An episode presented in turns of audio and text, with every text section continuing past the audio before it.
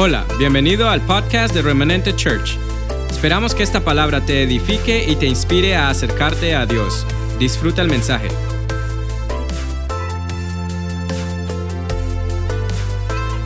Hacía muchos días no me paraba aquí en este púlpito a predicar. Me invitaron. Ya soy invitado. Amén. Dele un aplauso al Señor. Y de pronto en este rol que el Señor me ha dado apostólicamente, pues usted va a poder ir percibiendo que, que, ese rol de lo pastoral a lo apostólico va cambiando, aunque es algo que vengo ejerciendo por muchos años afuera. Dios ha puesto fuertemente en mi corazón que, que empiece a impartir más y más ese rol dentro de la, de la casa aquí en Washington. Y obviamente cuando se, se, se camina en un rol apostólico en cuanto a la función, en cuanto al oficio, cosas cambian.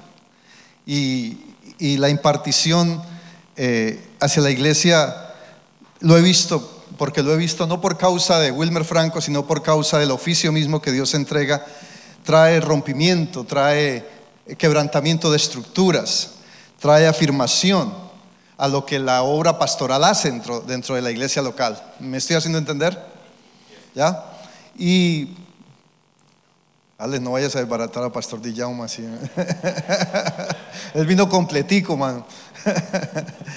Entonces, eh, pues la palabra que te traigo esta mañana uh, es un poco diferente a lo que en gran bendición eh, el pastor eh, Juan Carlos, la pastora Eliana han estado ministrando. Es una buena palabra, una palabra que, afirma, una palabra que, también ha traído rompimiento y, que ha sido de bendición para la iglesia. Yo he podido ver eso, yo cada desde donde esté siempre estoy pendiente del mensaje y ha sido de mucha bendición. Cada palabra, cada mensaje que Dios ha traído ha traído una frescura a la iglesia y vamos viendo el fruto de ello. Y creemos que este es un tiempo donde Dios va a llevar a remanente acá a, un nuevo tiempo. Las iglesias también afuera están siendo muy bendecidas. Dios está haciendo cosas muy tremendas, créame.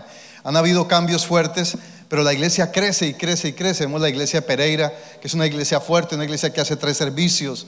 Eh, la iglesia de Dos Quebradas, una iglesia que hace dos servicios. Y así, todas, Santa Rosa, Manizales. Son iglesias fuertes dentro de, lo, de un área en Colombia que llaman el eje cafetero. Son varios, son tres departamentos que están unidos y quizás hasta cuatro con, el, con otro que está en la parte norte. Y, y Dios nos ha permitido causar un impacto ahí. Y eso es lo que estamos buscando este tiempo, eh, especialmente a través de la radio, a través de todas las herramientas que Dios nos está entregando. Llevar a la iglesia a un nuevo tiempo, especialmente después de lo que se ha vivido, una pandemia, todos los cambios que han habido dentro de la nación, todo este tema. Más allá de lo, de lo que eso haya podido hacer, el Evangelio sigue obrando, la iglesia sigue vigente y el propósito de Dios en tu vida, ahí está. Amén. Entonces te decía, esta palabra tiene el propósito de romper estructuras. A veces hay estructuras en nuestra vida que, que no permiten que algunas cosas en nosotros cambien. ¿Y por qué? Porque nos aferramos a ellas porque es la forma como nos han enseñado especialmente, como nos hemos levantado. Y cuando hablamos del tema bíblico, del tema iglesia, del tema espiritual, nosotros hemos desarrollado un sistema de creencias que nos ha llevado a aferrarnos a la idea de, cómo es Dios, a aferrarnos al Dios que nos han presentado, al Dios que a nuestra manera hemos conocido. Entonces la palabra que te traigo esta mañana tiene que ver cuál Dios conoces. Dígale al que está al lado, ¿cuál Dios conoces? Y la Biblia nos desafía a eso. La palabra nos desafía para que nosotros realmente conozcamos al Dios que transforma, al Dios que, que muestra nuestro propósito, al Dios que, que, nos creó, no solamente, perdón, que no solamente nos creó, pero el Dios que, que camina día a día de nuestra mano, el Dios que es cercano, el Dios que, que es Padre. Pero a veces nosotros, yo digo, a veces nos especializamos en una de las manifestaciones de Dios. Nos especializamos en Dios como Hijo, nos especializamos en Dios como el Espíritu Santo, pero quizá la iglesia no se ha especializado tanto en Dios como Padre. Y por eso la iglesia por muchos siglos ha caminado en orfandad, ha caminado desprovista de, conocer a Dios como ese papá que, que también no solamente guarda, cuida, bendice, pero también instruye, disciplina, eh, eh, quebranta. Y cuando hablo de quebrantar no hablo de castigo ni hablo de prueba, hablo del quebranta a través de los procesos que Él trae a nuestra vida. Entonces se hace necesario que nosotros en este día abramos nuestro corazón, nuestra mente. Y quizá yo te diga algunas cosas que te pueden eh, incomodar, que te pueden chocar, pero eso mismo va a traer un rompimiento a tu vida. Un rompimiento en tu mente, un rompimiento en tu corazón, un rompimiento en tu estructura. Nosotros somos seres que, que Dios nos creó con una estructura, con una estructura espiritual, con una estructura emocional, con una estructura física. Y obviamente a causa del pecado esa estructura fue afectada. Fuimos afectados espiritualmente. Nos levantamos mucho sin conocer realmente el Dios que la palabra muestra. Nos levantamos mucho con una estructura emocional, con desamor, con rechazo, con baja autoestima, que afectó nuestra estructura emocional. Y también eh, e, esa, esa condición nos llevó a afectar nuestro cuerpo, nos llevó a afectar nuestra estructura física. El pecado mismo afectó la, la estructura física trayendo la enfermedad al mundo. Entonces, vamos a hablar del Dios que conocemos. Y el Dios que conocemos tiene que ver porque en la palabra Pablo habla un mensaje muy directo eh, cuando estuvo en Atenas al Dios no conocido al Dios no conocido. Entonces yo hoy te voy a hablar del Dios no conocido. Al Dios no conocido. ¿Cuál Dios conocemos? Y hablar del Dios no conocido. Abra su Biblia en Hechos capítulo 17, versículo 22. Entonces Pablo, Hechos capítulo 17, versículo 22.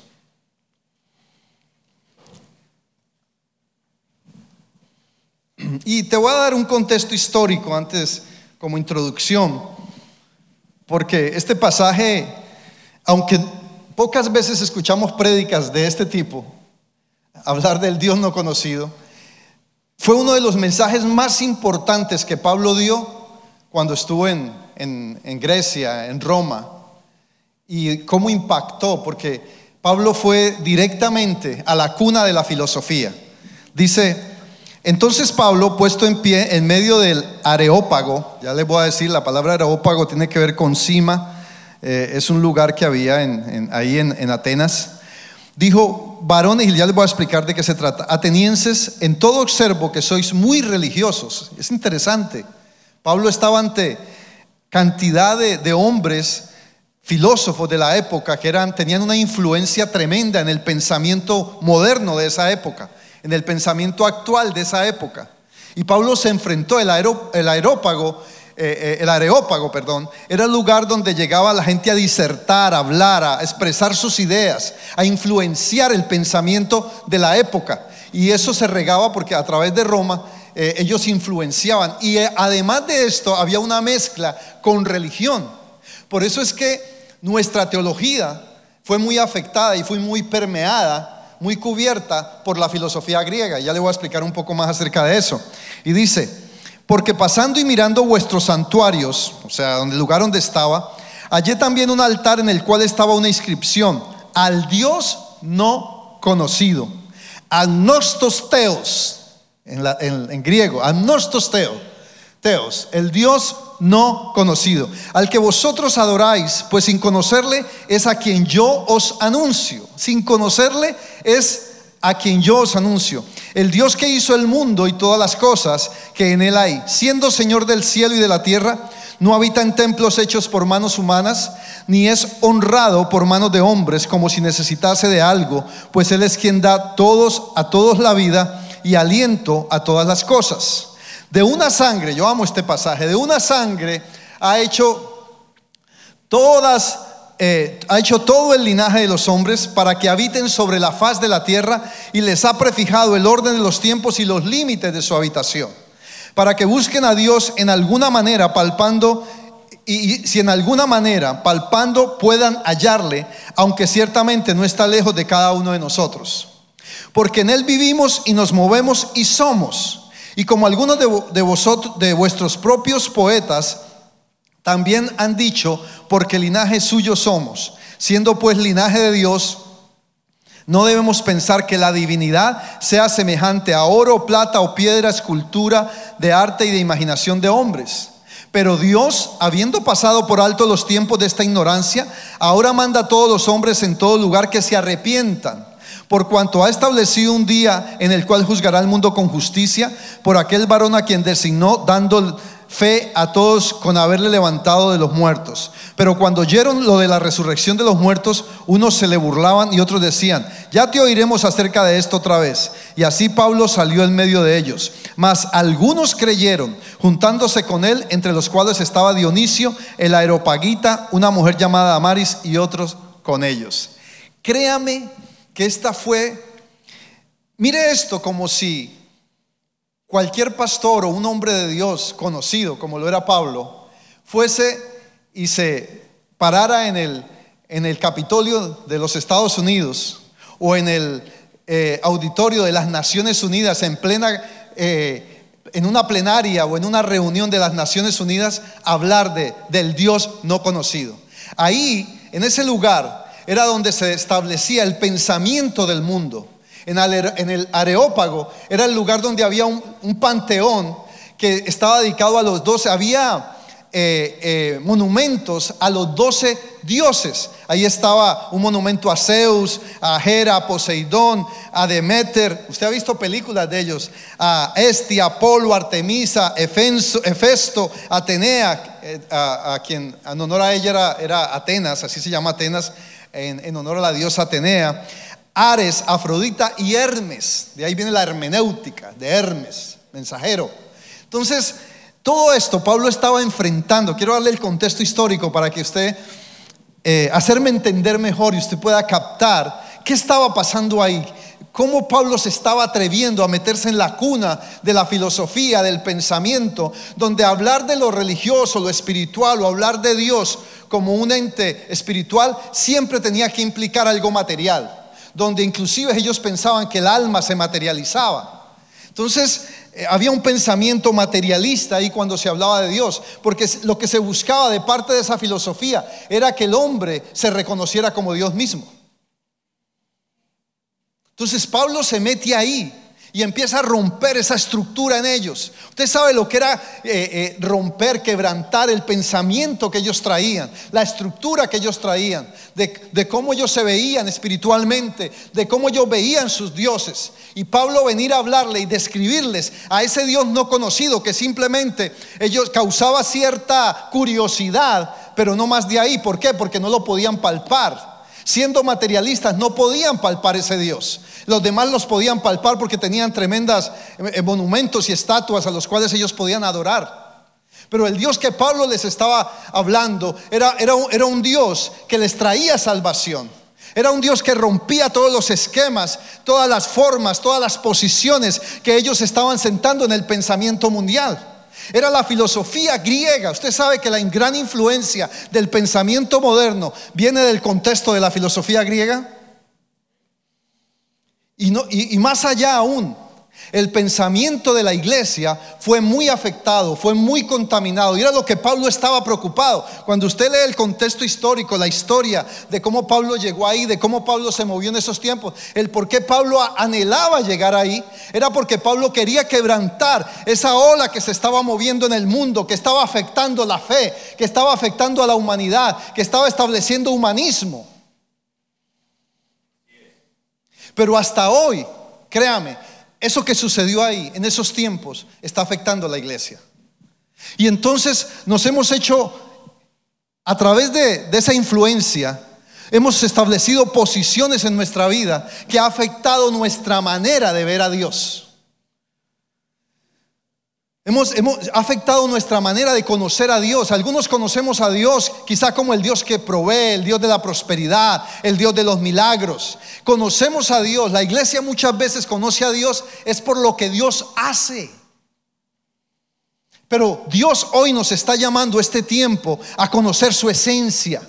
¿Quién es Dios? ¿Quién es Dios en nosotros? ¿Quién es Dios para nosotros? ¿Qué busca Dios con nosotros? Y eso lo vamos a ver hoy. Más allá de que tú solamente busques a Dios de buena voluntad, no me malentienda, porque tienes una necesidad. Necesitamos romper esa hegemonía que el pensamiento trajo, que la influencia trajo desde esos tiempos, a ver a un Dios que simplemente me soluciona mis problemas. Pero el Dios que yo te quiero hablar hoy es un Dios que transforma, que cambia, un Dios que si tú realmente conoces, nos va a cambiar. Y yo me atrevo a decir aún cosas como estas. Si mi vida no cambia es porque realmente no estoy conociendo a Dios. Es fuerte decirlo de esa manera. Pero el Dios que yo conozco es un Dios que cambia, que me libera, que me restaura, que me sana, que, rompe, que quebranta mis debilidades, que me saca de mi pecado que hace que cambie actitudes, que hace que gente vea mi cambio, tu cambio. Ese es el Dios que, que, necesitamos conocer. Ese era el Dios desconocido del cual Pablo le estaba hablando al Areópago.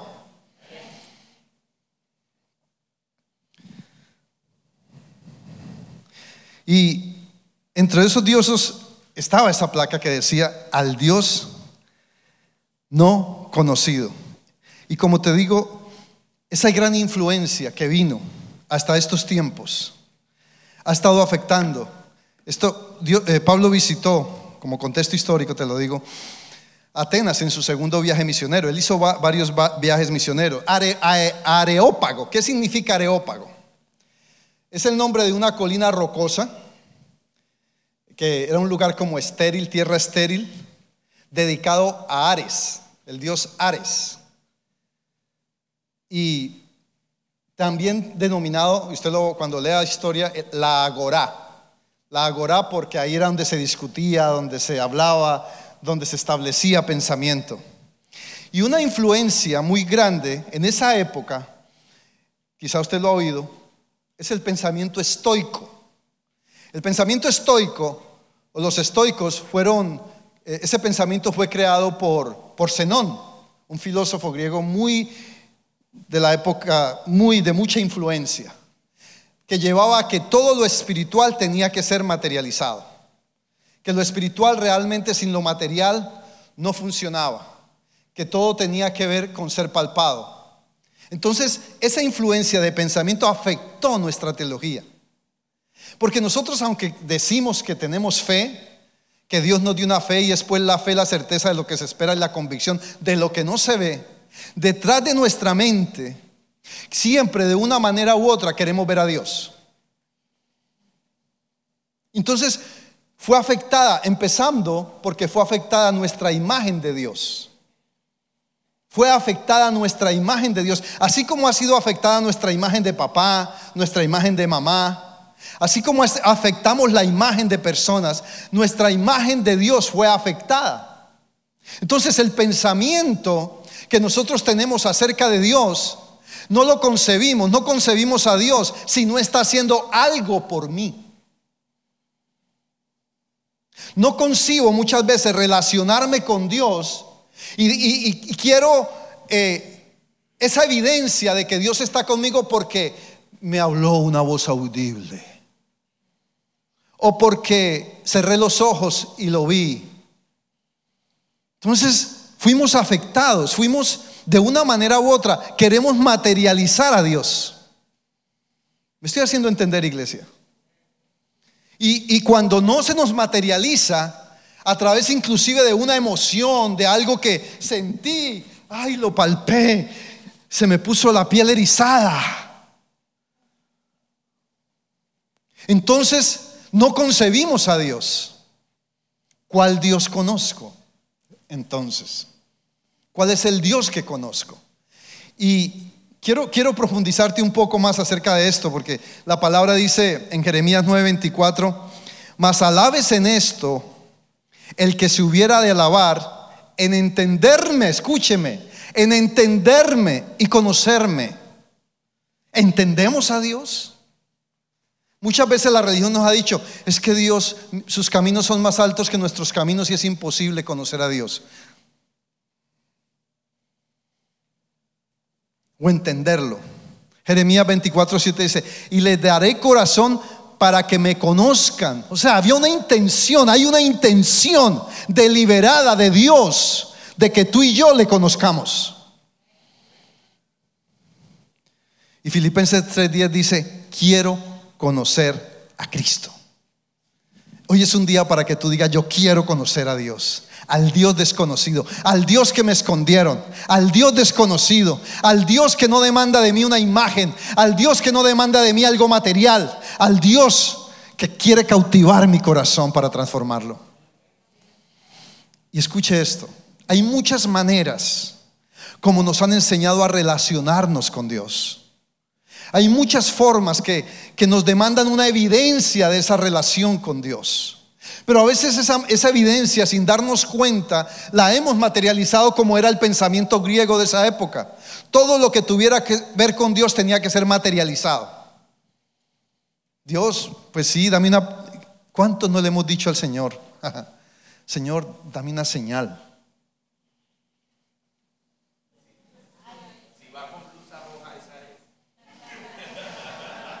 Señor, dame una señal. Y si usted se pone a ver en la palabra, y esto lo he hablado en el pasado, las señales nos siguen a nosotros. Nosotros no seguimos señales. Estas señales seguirán. ¿A quiénes? A los que creen. Entonces, de una forma u otra, siempre la tradición, la buena intención, no, no quiero ser peyorativo en esto, siempre nos está llevando a conocer a un Dios que muestra evidencia. Pero ¿cuál era la evidencia de ese monumento que había ahí cuando decía el Dios no conocido? Y el, y el Dios que, Dios que Pablo les mostró no tenía que ver con el pensamiento que ellos proyectaban. En el Antiguo Testamento, en el hebreo especialmente, la palabra que se traduce para conocer a Dios, conocer a Dios es la palabra yara. Y es interesante lo que esta palabra dice acerca de lo que realmente es conocer a Dios. Escuche esto. Y cuando yo leía y estudiaba esto, esto, dismash, ¿cómo se dice? De, de, desentona del Dios con que a veces nos queremos relacionar, o la intención con que a veces nos queremos relacionar con Dios, o la manera como hemos figurado, como hemos dibujado la forma de conocer a Dios. O cómo decimos que conocemos a Dios porque hemos vivido un milagro o Dios ha hecho algo sobrenatural en mi vida, pero no realmente por causa de que ese conocimiento haya transformado mi vida. Porque déjeme decirle esto y vuelvo y lo repito. Cuando yo veo una persona que lleva años en el Evangelio y no cambia, es porque no ha conocido a Dios. Simple. Eso es un absoluto de Dios. Porque conocer el Dios que yo te voy a describir, cómo se quiere relacionar, trae qué? Cambio, trae transformación, aún de la persona de quien menos esperamos. Hay personas que a veces hasta las hemos desechado hay personas que nos hemos atrevido a decir, yo lo he dicho muchas veces, esa persona no quiere cambiar. No es que no pueda, no es que Dios no lo haga, no quiere cambiar. Pero aún así, si esa persona decidiera tener ese encuentro, conocer al Dios que transforma, al Dios que cambia, ese cambio se va a producir. Entonces Yara tiene que ver, y tiene un significado muy amplio, describe el tipo de conocimiento que desea que tú y yo tengamos de Él. Yada, conocer a Dios, no solamente quiere que le conozcamos, sino que le comprendamos. Esa palabra Yara significa comprendiendo a Dios, considerando a Dios, descubriendo a Dios. Mira toda la capacidad que Dios nos ha dado para que le conozcamos. Discernir a Dios. Distinguirlo. O sea, en medio de esos doce dioses había un Dios no conocido que se distinguía. Que aún, dice la historia, muchos venían ante esa placa, aunque decía el Dios no conocía, y le adoraban sin saber quién era. Lo otro es que le encuentres, que le encuentres. ¿Cuántos que hemos tenido un verdadero encuentro con Dios, no lo hemos dejado solamente en una experiencia sobrenatural, no lo hemos dejado simplemente en, en una emoción pasajera, sino que en ese entendimos, escucha esto, y pudimos notar que a partir de ese momento nuestra vida comenzó a cambiar.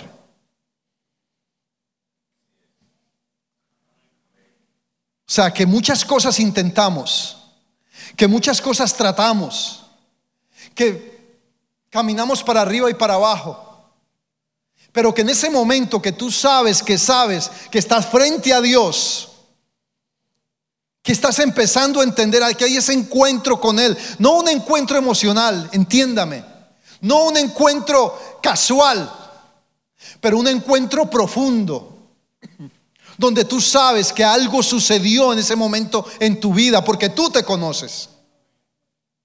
Porque tú sabes lo que afecta tu vida. Así como notas cuando algo te duele, también notas cuando algo te cambia, cuando algo te alegra.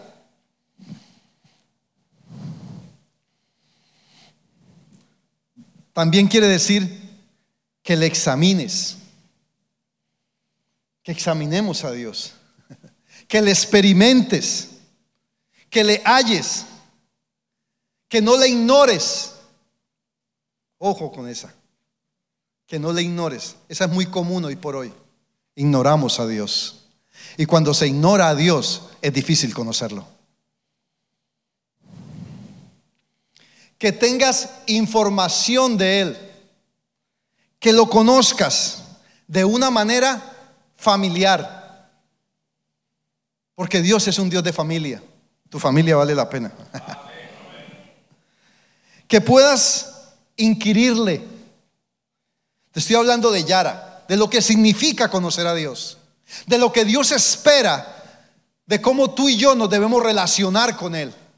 Más allá de que estemos esperando, usted, usted quizá no le ha sucedido que cuando estaba niño, usted iba y le pedía algo a su papá y su papá estaba esperando que usted fuera y le diera un abrazo o le dijera que lo amaba y usted lo que fue fue a pedirle para algo, pues unos zapatos o para... Muchas veces de esa manera manejamos a Dios. Dios quiere que venga y nos relacionemos y nosotros estamos expectando que aparezca para ver qué le pido. Y eso es cultural. Escúcheme, fuimos afectados en nuestra mente por lo cultural. Yo leí un libro secular hace algunos años que se llamaba Basta de Historias de Andrés Oppenheimer, que hablaba de la educación mundial. Y él decía, cuando nosotros vemos la cultura latina, la cultura latina siempre está expectando recibir, hablando de los gobiernos, hablando de los gobiernos. Y la mentalidad nos ha llevado a que nos, nos quedemos en un mismo patrón de pensamiento. Por eso es que, por lo menos en mi país, cuando vemos los billetes, usted ve la foto de un prócer o de un historia o de un líder de los años 1500 o 1400. ¿Por qué? Porque el pensamiento permanece ahí. estoy haciendo entender? Cuando no sé en su país como sea, pero no sé si en su país, aquí mismo, uno ve que Washington, Jefferson, pero porque eso siguen afectando el pensamiento moderno. Lo mismo pasa con la iglesia. La filosofía griega sigue afectando la religión romana, y hablo del sistema, no hablo de la iglesia que conocemos, hablo del sistema romano, greco-romano que dominaba en ese tiempo, afectó nuestro pensamiento espiritual. Entonces afectó que miremos a Dios siempre en expectativa de dame, dame, dame, dame. Así como, como, como ovejas, no, como cabras a veces más bien. Hay una expectativa de recibir. Pero Dios, el Dios no conocido, está expectando, está esperando que tú y yo vengamos a Él a inquirirle que Él pueda ser manifiesto para mí, que, que lo reconozcamos cuando Él aparece, por decirlo de esa forma. Al Dios que quiere revelarse a tu vida. Que le notes. Que cuando tú tengas una decisión en tu vida o estemos a punto de cometer un error, le notemos. Le tengamos en cuenta que le percibamos Eso es Yara. Que le reconozcamos. Que también lo sintamos. Claro que también lo sentimos. Y ahí es donde vienen los gams. Los, ¿cómo se llaman? La piel de gallina. Y es cuando no, hay santo y todo lo que quiera. Porque a veces lo vamos a sentir. Que lo tengamos, que lo veamos, pero no que lo veamos necesariamente. Yo siempre dije, desde niño le enseñan a uno a tener la cultura, a tener una imagen de Dios que cuando yo oraba, yo trataba de mirar la imagen de Cristo y a veces lo veía con túnica blanca, siempre con túnica blanca. ¿Y qué tal si ese día se había puesto la morada?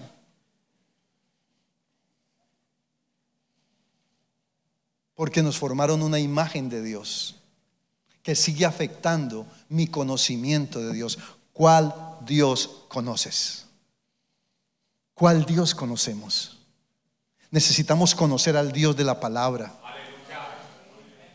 Necesitamos conocer al Dios que cuando hablamos de comunión es común unión, que hace parte de, mi naturaleza, que yo tengo la seguridad que aunque haya un área en mi vida en la cual soy débil, en la cual estoy afectado, Él me va a transformar. Que yo no me, no me excuse todo el tiempo diciendo es que no puedo. Es que llevo esto y no puedo. Es que no puedo dejar de hacer esto. Porque cuando tú conoces a este Dios, al Dios no conocido, tu vida va a ser transformada. Mi vida va a ser cambiada. Y hay dos razones simples que yo veo por qué a veces nuestra vida no cambia, aún a pesar de que estamos expuestos al Dios que Yara nos describe. Porque estamos expuestos, todos estamos expuestos a este Dios. Al Dios que cambia, al Dios que transforma, al Dios que me hace avanzar, al Dios que la bendición es producto de conocerle. El problema es que la iglesia ha estado detrás de la bendición por siglos. Y es totalmente contrario a lo que la, palabra dice. Mas buscad primeramente el reino de Dios y su justicia. Y las demás cosas serán qué? Eso es real, eso, es, eso no es un verso poético, eso es algo real tal cual, es algo literal. Yo busco a Dios, yo busco su reino, yo busco su justicia, yo busco conocerlo a Él. Y la bendición, dice la palabra en Deuteronomio, está diseñada para alcanzarme. Créame, dale ese aplauso al Señor.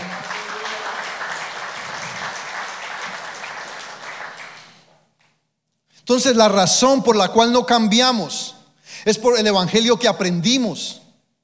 Un evangelio. Nos volvieron el evangelio un lío completo. Nos lo voltearon. Por, ¿Por qué cree que Pablo fue? Si Pablo estuviera esta época, Pablo haría lo mismo estaría quebrantando estructuras, estaría yendo ahí a la cuna donde se estaba infectando el pensamiento del ser humano.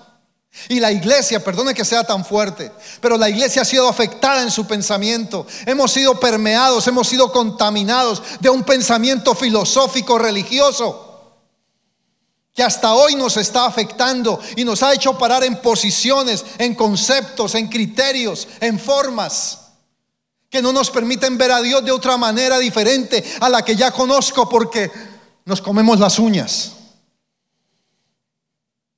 No queremos que nos afecten nuestra manera de ver a Dios. Y yo estoy aquí esta mañana para afectar tu manera de ver a Dios, para afectar tu manera de conocer a Dios. Para que tu estructura sea quebrantada de tal manera que Yara se haga una realidad en tu vida.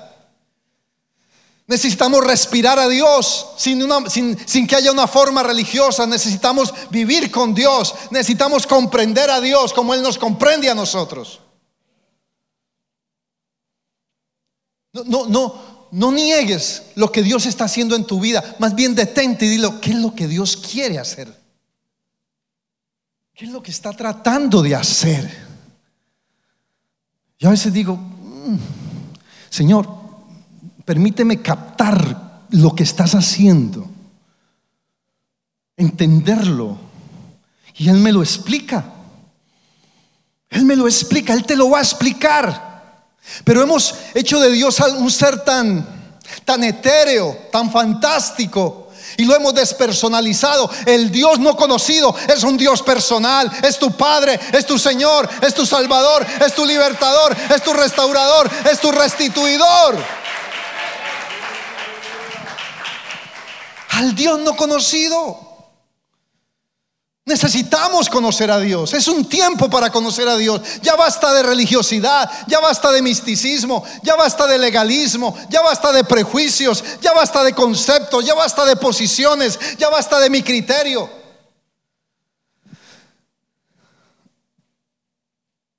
Yo hablaba con alguien esta semana y le decía que yo siempre que discuto, por decirlo de esa forma, o, hablamos de un tema bíblico, lo menos que yo quiero es plasmar mi concepto o mi posición. Usted nunca me va a ver sentando posiciones acerca de la Biblia, ni plasmando consejos. Ah, es que no. La Biblia es literal, pero la hemos vuelto tan etérea. A todo le queremos dar significado. ¿Sí o no? Entonces se crea algo que se llama nomenclatura. Déjenme hablar de esto. Entonces si me sueño con un borreguito negro es porque se me va a aparecer el diablo. Si es blanco entonces porque se me va a aparecer Cristo. Me estoy haciendo entender, iglesia. Y ese es el Dios que a veces conocemos, el Dios de la nomenclatura.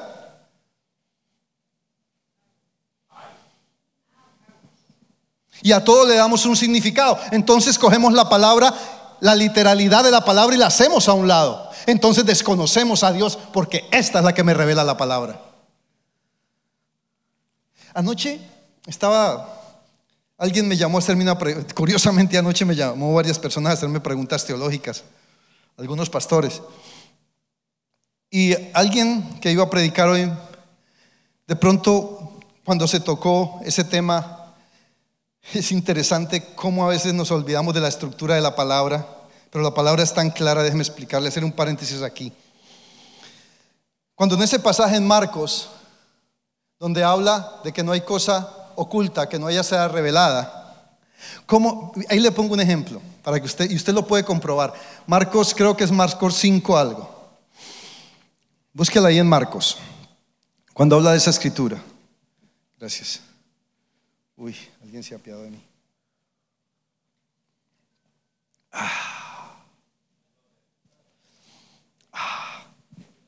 Cuando dice que no hay cosa oculta que no haya de ser revelada. Y siempre la iglesia ha usado eso y todos somos bien uniformaditos, bien uniformes en decir, es que todo pecado Dios lo saca a la luz. Esa es la mentira religiosa más grande que la iglesia ha instituido acerca de ese pasaje. Si usted lee el contexto, está hablando de la revelación, porque antes de ese pasaje, en el versículo 21, creo que es 5.21, dice que no se pone una luz y se pone debajo de un almud, ni se esconde. Y antes de eso, 4, 4, 21 y 22. Y antes de eso está hablando de la, de la parábola del sembrador. ¿Y de qué habla la, palabra, la parábola del sembrador? Hey, teólogos, ¿de qué habla la palabra del sembrador? Perdón, la parábola. De la palabra. Está hablando de la palabra. Hello, ¿qué pasó? Está hablando de la palabra.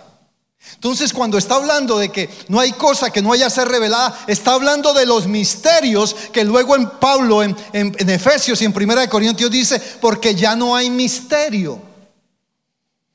Es tan claro. Entonces, ¿qué hacemos? Cogemos la palabra y le montamos un pensamiento de Dios. Que Dios nunca ha tenido la intención de hablarlo ni de decirlo.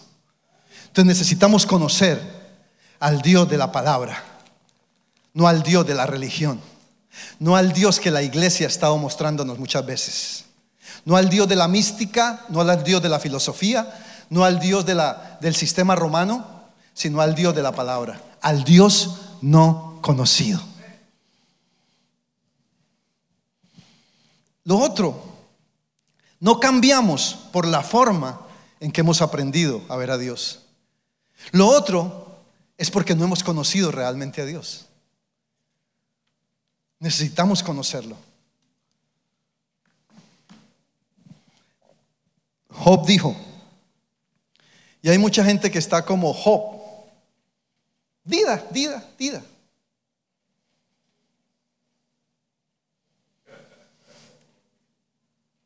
Está como Job. De oídas te había oído, pero hasta ahora te conozco, mis ojos te ven. Y Job había sufrido todo lo que había sufrido. ¿Y cuántas veces nosotros no hemos sufrido en vano? Pensando que es Dios. Ahora necesitamos conocer al Dios de la bendición, al Dios de la victoria, pero también al Dios del quebrantamiento. Y lo que Dios necesita quebrantar hoy son esas estructuras que me han llevado a relacionarme con Él de una manera totalmente diferente. Al Dios no conocido necesitamos conocer.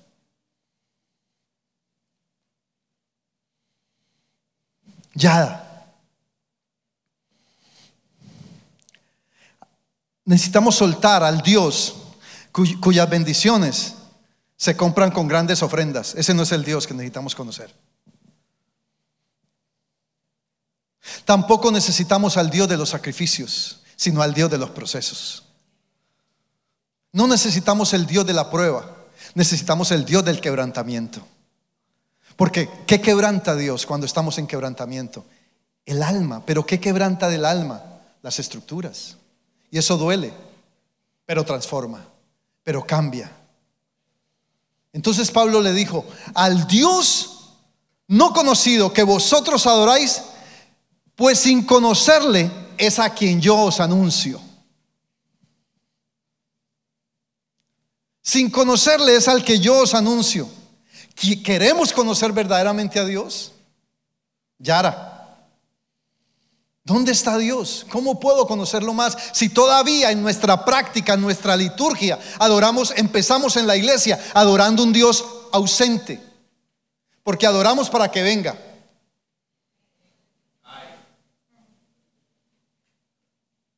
Si usted ve que nos enseña, hay que adorar a Dios para que se manifieste su presencia, para que aparezca, para que baje. Y eso que antes cantábamos, desciende aquí, desciende aquí, desciende aquí. No, el Dios que conocemos, el Dios del que Pablo está hablando, el Dios no conocido, es un Dios presente. Porque Pablo se los dijo ahí, aunque ustedes no lo ven, Él está aquí presente. Amén, dale ese aplauso al Señor.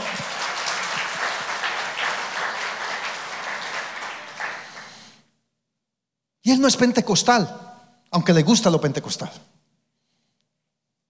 Pero nos hemos especializado a veces en conocer a Dios solo a través de los dones.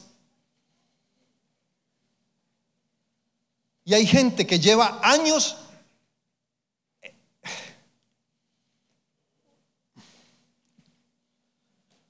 más preocupada porque el don le funcione. Y como que a veces se le avería, así como cuando el carro viejo le daña a uno, se le daña el don. Entonces empieza a dar manigueta a ver y a ver qué, se inventa, porque pues el don le está fallando. Y hay gente que se sostiene años solo a través de un don.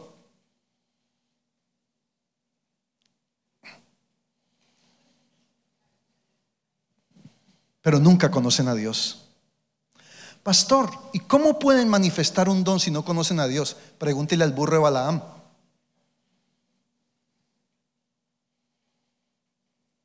El burro de Balaán manifestó dones, pero no era ungido, no era transformado y no conocía a Dios. Jesús cuando entró a Jerusalén, el burro en que iba tampoco lo conocía.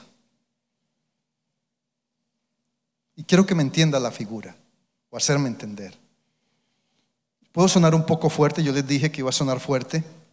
Pero la idea de esta palabra, el propósito de esta palabra, más que idea, es que nosotros nos quitemos el velo, dejemos que el Espíritu Santo esta mañana nos quite el velo y nos arriesguemos a conocer al Dios no conocido. Al Dios que, que va más que, que aunque no me haga el milagro, es Dios, es mi Dios. Al Dios que aunque no me provea, es Dios, es tu Dios, es mi Dios, es mi Padre. Al Dios que aún aunque no me solucione la circunstancia que estoy viviendo, yo me pueda gozar en Él, yo pueda entenderlo, yo pueda, como decía Yara, asimilarlo, descubrirlo, experimentarlo, distinguirlo, distinguirlo entre los demás dioses. Pablo distinguió a Dios dentro de, de los demás dioses, de los doce dioses del panteón.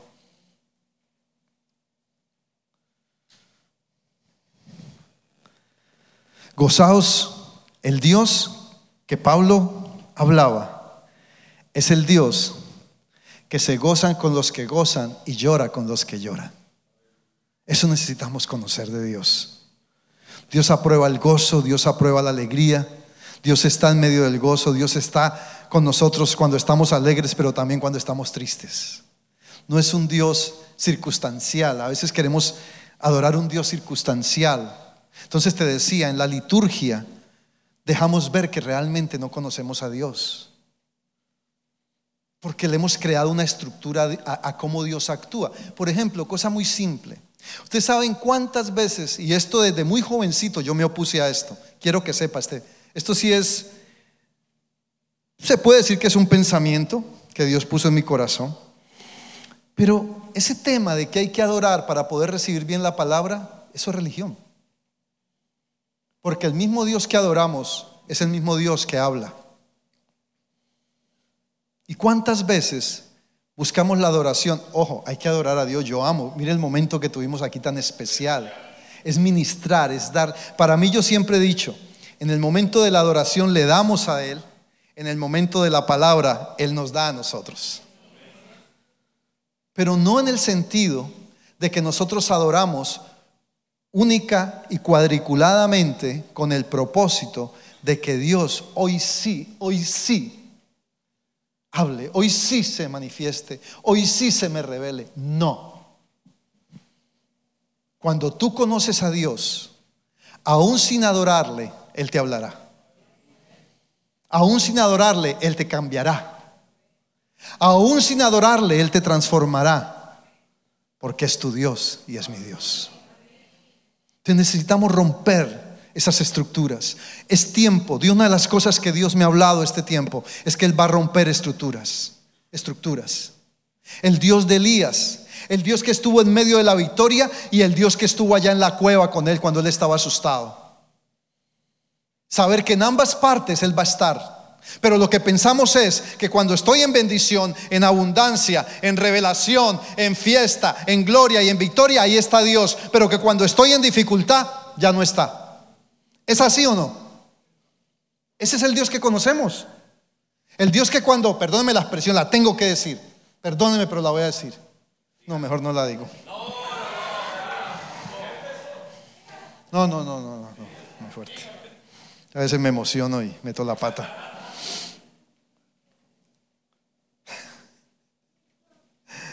Sí, o sea, cuando estamos en dificultad creemos que Dios no aparece. Y ese es el Dios que conocemos. O sea que se nos, se nos vuelve un Dios que no es. Porque está bien y aparece, es como los amigos, no, Dios no es como los amigos. Aquellos que, aquellos amigos, no, no todos. Que cuando estoy abundante y estoy, ay, pero cuando estoy ya vaciado, no aparecen. No, Dios no es así, pero ese es el Dios que nos mostró la iglesia.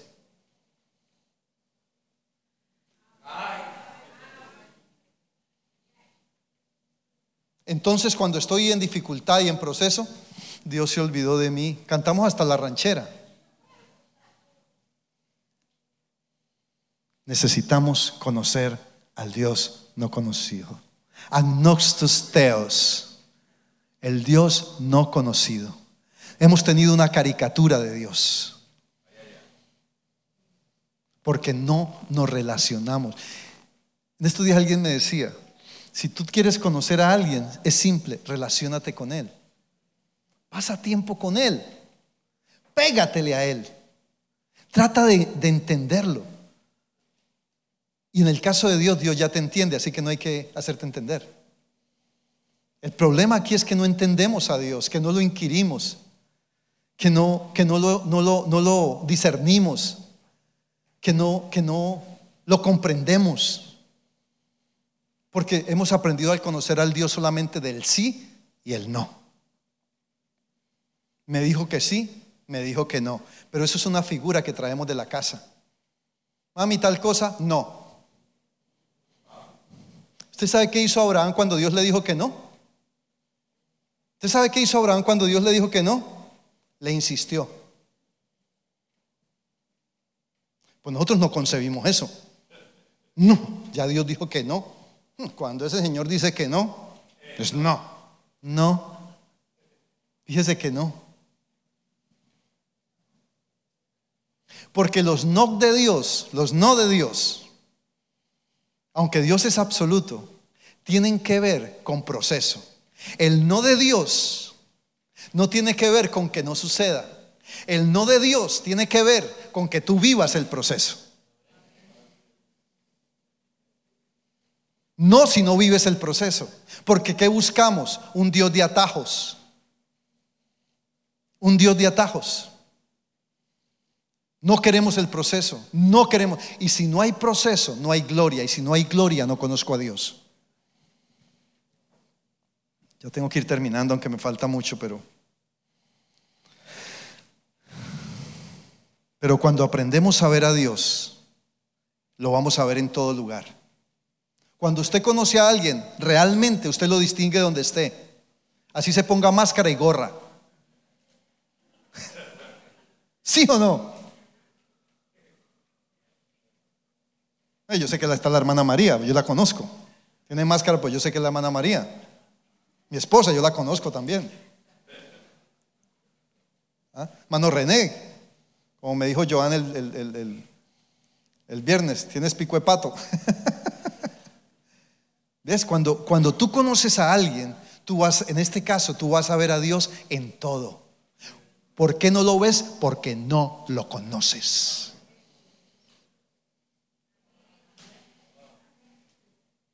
¿Quieres cambiar? Empieza a conocer a Dios. ¿Quieres ser transformado? Empecemos a conocer a Dios. Entonces, aquellos que, que, decidimos conocer al Dios de la palabra, lo vamos a ver en cualquier proceso, lo vamos a ver en cualquier circunstancia, lo vamos a ver en cualquier dificultad, lo vamos a ver en cualquier eh, aflicción. Y esa es la oportunidad que tenemos para creer y fortalecernos en fe y para conocerlo más y más a Él. No, la próxima vez que estés en dificultad, no pienses que Dios se ha ido, es cuando más cerca está de ti. Aunque no lo sientas, Dios no es Dios de sentir, Dios es Dios de estar. Y Él está. Y como dijo Pablo en Romanos 8:38, estoy convencido de que nada podrá separarnos del amor de Dios, ni tribulación, ni angustia, ni lo alto, ni lo profundo, ni lo pasado, ni lo porvenir, ni lo ancho, nada, ninguna cosa creada me podrá separar, ni la muerte, nada, del amor de Dios que es en Cristo Jesús.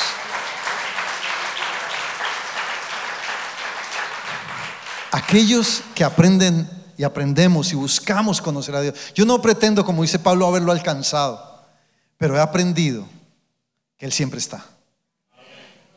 Y le voy a decir algo más fuerte todavía. Aun cuando pecas, Él está.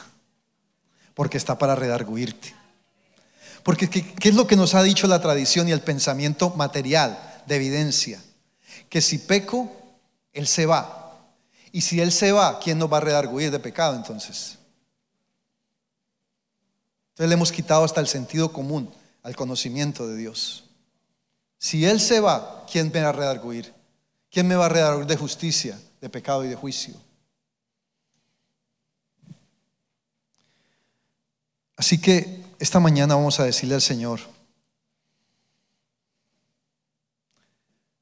que tú quieres conocerle, que ya no será más el Dios no conocido, sino que tú lo vas a ver en todo. La próxima vez que estés en prueba, en dificultad, como le quieras llamar, en proceso, Dios siempre va a estar ahí. Cuando tú aprendes a ver eso, tu vida empieza a cambiar. Cuando tú conoces a Dios, tú empiezas a ser transformado. Y empiezas a ver que los procesos cobran sentido. Yara, Yara, quiero repetirte eso de Yara y con eso termino. Yada. Es una relación familiar, cercana, íntima, estrecha. Una relación que no permite solo conocerle, sino experimentarle, descubrirle, distinguirlo. Y esto que me, que me encantó es, puedo entender a Dios. ¿Quién dijo que no lo podemos entender? La religión. ¿Quién dijo que no? Si Él es nuestro Dios, es nuestro Padre. Y Él es quien nos revela el Espíritu. ¿Quién le reveló a Pedro? ¿Quién se le reveló a Pedro? Mi Padre que está en los cielos, le dijo Jesús. Y el Espíritu Santo está en nosotros para darnos a conocer todas aquellas cosas de Él lo que pasa es que cuando anhelamos el Espíritu Santo, la iglesia nos ha vendido que es que lo anhelamos es para que haga algo por nosotros. No, anhelamos el Espíritu Santo para conocerlo a Él. No anheles más el Espíritu para que te dé un don. Amén. La palabra dice que anhelemos los mejores dones. Está bien, pero ¿cómo lo vas a anhelar si no anhelas, si no tienes celo por el Espíritu? Deseémoslo, deseemos a Dios. La iglesia tiene que volver a eso. Hemos caído en demasiada comodidad. Y en la comodidad es imposible conocer a alguien. Ni a la esposa se conoce en la comodidad.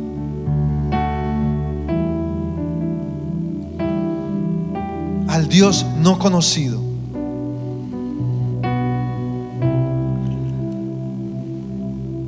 Ponte de pies. Dice que los que le conocen son como el monte de Sión, que no se mueven, sino que permanecen. Y ahí cuando tú le conoces, entonces Él se te revela, Él te muestra, Él te habla, se vuelve algo natural que Él te hable. Tú sabes que es Él.